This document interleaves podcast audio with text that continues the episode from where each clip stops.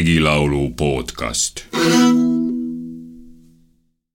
Öelte ju sõda, öelte, öelte sõda tulevad, tulevad, oi Vene ju väike, oi Vene, Vene väike veeruvad, veeruvad, oi kohe miks pakk, Oi, coe, coe, pac, parțică, să e, parțică, oi, coe, milinta, oi, coe, coe, lenta, leno, că să e, iulino, lupia, eu valcă, oi, lupia, lupia,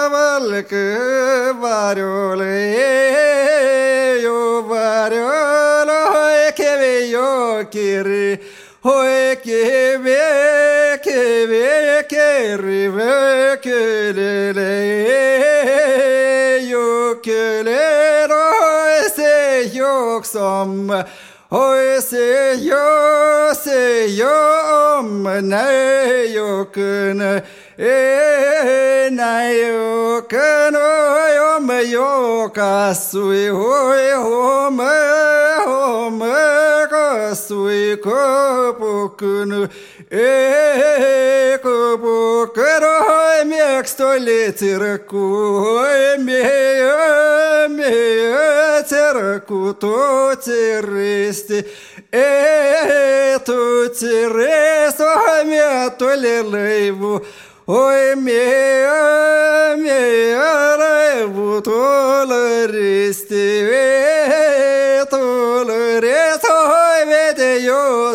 sutta hoi vete vete sutta sutta mai sutta mai sa yotilta hoi sutta sutta mai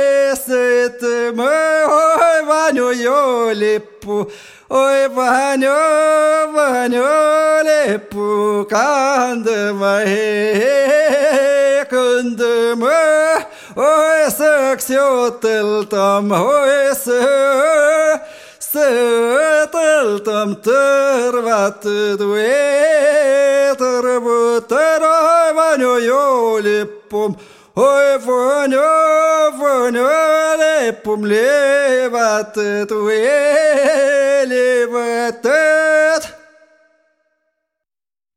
sõjalaul võiks olla sõjakas. ta võiks ülistada eepilisi vägitegusid, võiks kannustada kangelastegudele, võiks õigustada vägivalda. sõjalaul võiks olla ideoloogiline relv. Ta võiks näidata sõda paremana, kui see tegelikult on. ja inetu ja rõveda külje bravuurikalt ära varjata lühidalt sõjalaul võikski olla siis sõja osa, ta võiks ise olla üks sõjariistu. aga see sõjalaul niisugune ei ole, ta ei ole üldse sõjakas.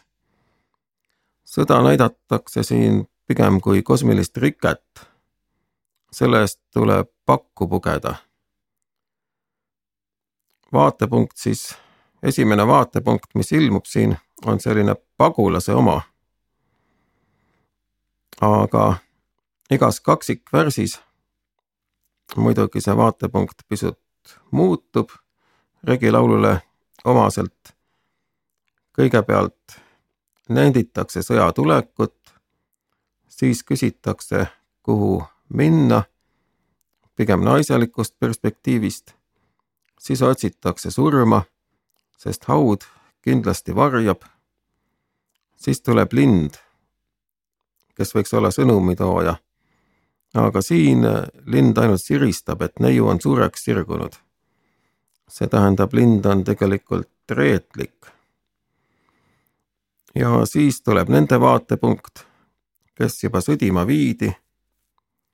tuleb sõdalaste toitja vaatepunkt ja lõpuks meenutatakse, et kõik see alles algab, katsumus ei ole veel läbi, on siis terve selline vaatepunktide panoraam, neid on terve rida.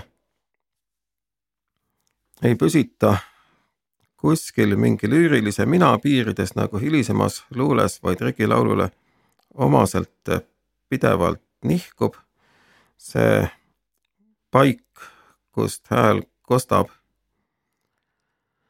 mingit moraali sellel sõjalaulul ei ole. võiks öelda, et sisu on täiesti tänapäeva mõistes patsifistlik. sõda ei väärtustata. pakutakse õigupoolest välja ainult masendavaid perspektiive, pagemine, surm, sõjaorjus, kas siis sõdurina või sõdurite abilisena. ja nagu ütlesin, lind ka ei ütle midagi, mida peaks tegema, ta ainult siristab reetlikult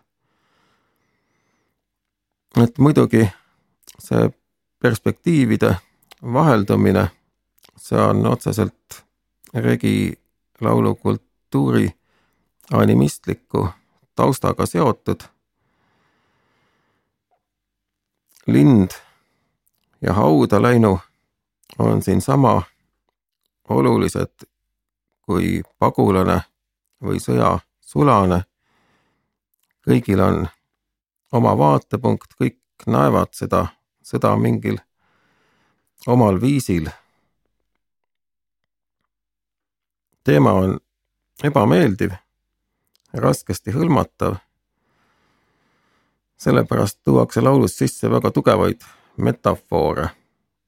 sõjakäiku sümboliseerib sõjatõld, see on juba tõrvatud. ja vaenulipp, mis on juba liivatatud ja veel tugevam on see sõdurite toitmise metafoor. algselt metonüümia, siis sõjaleib ja vaenukakk, aga ta hakkab siin tähendama midagi enamat, omandab ulatuslikuma tähendusvälja, kehastab nagu kogu sõjapidamise protseduuri.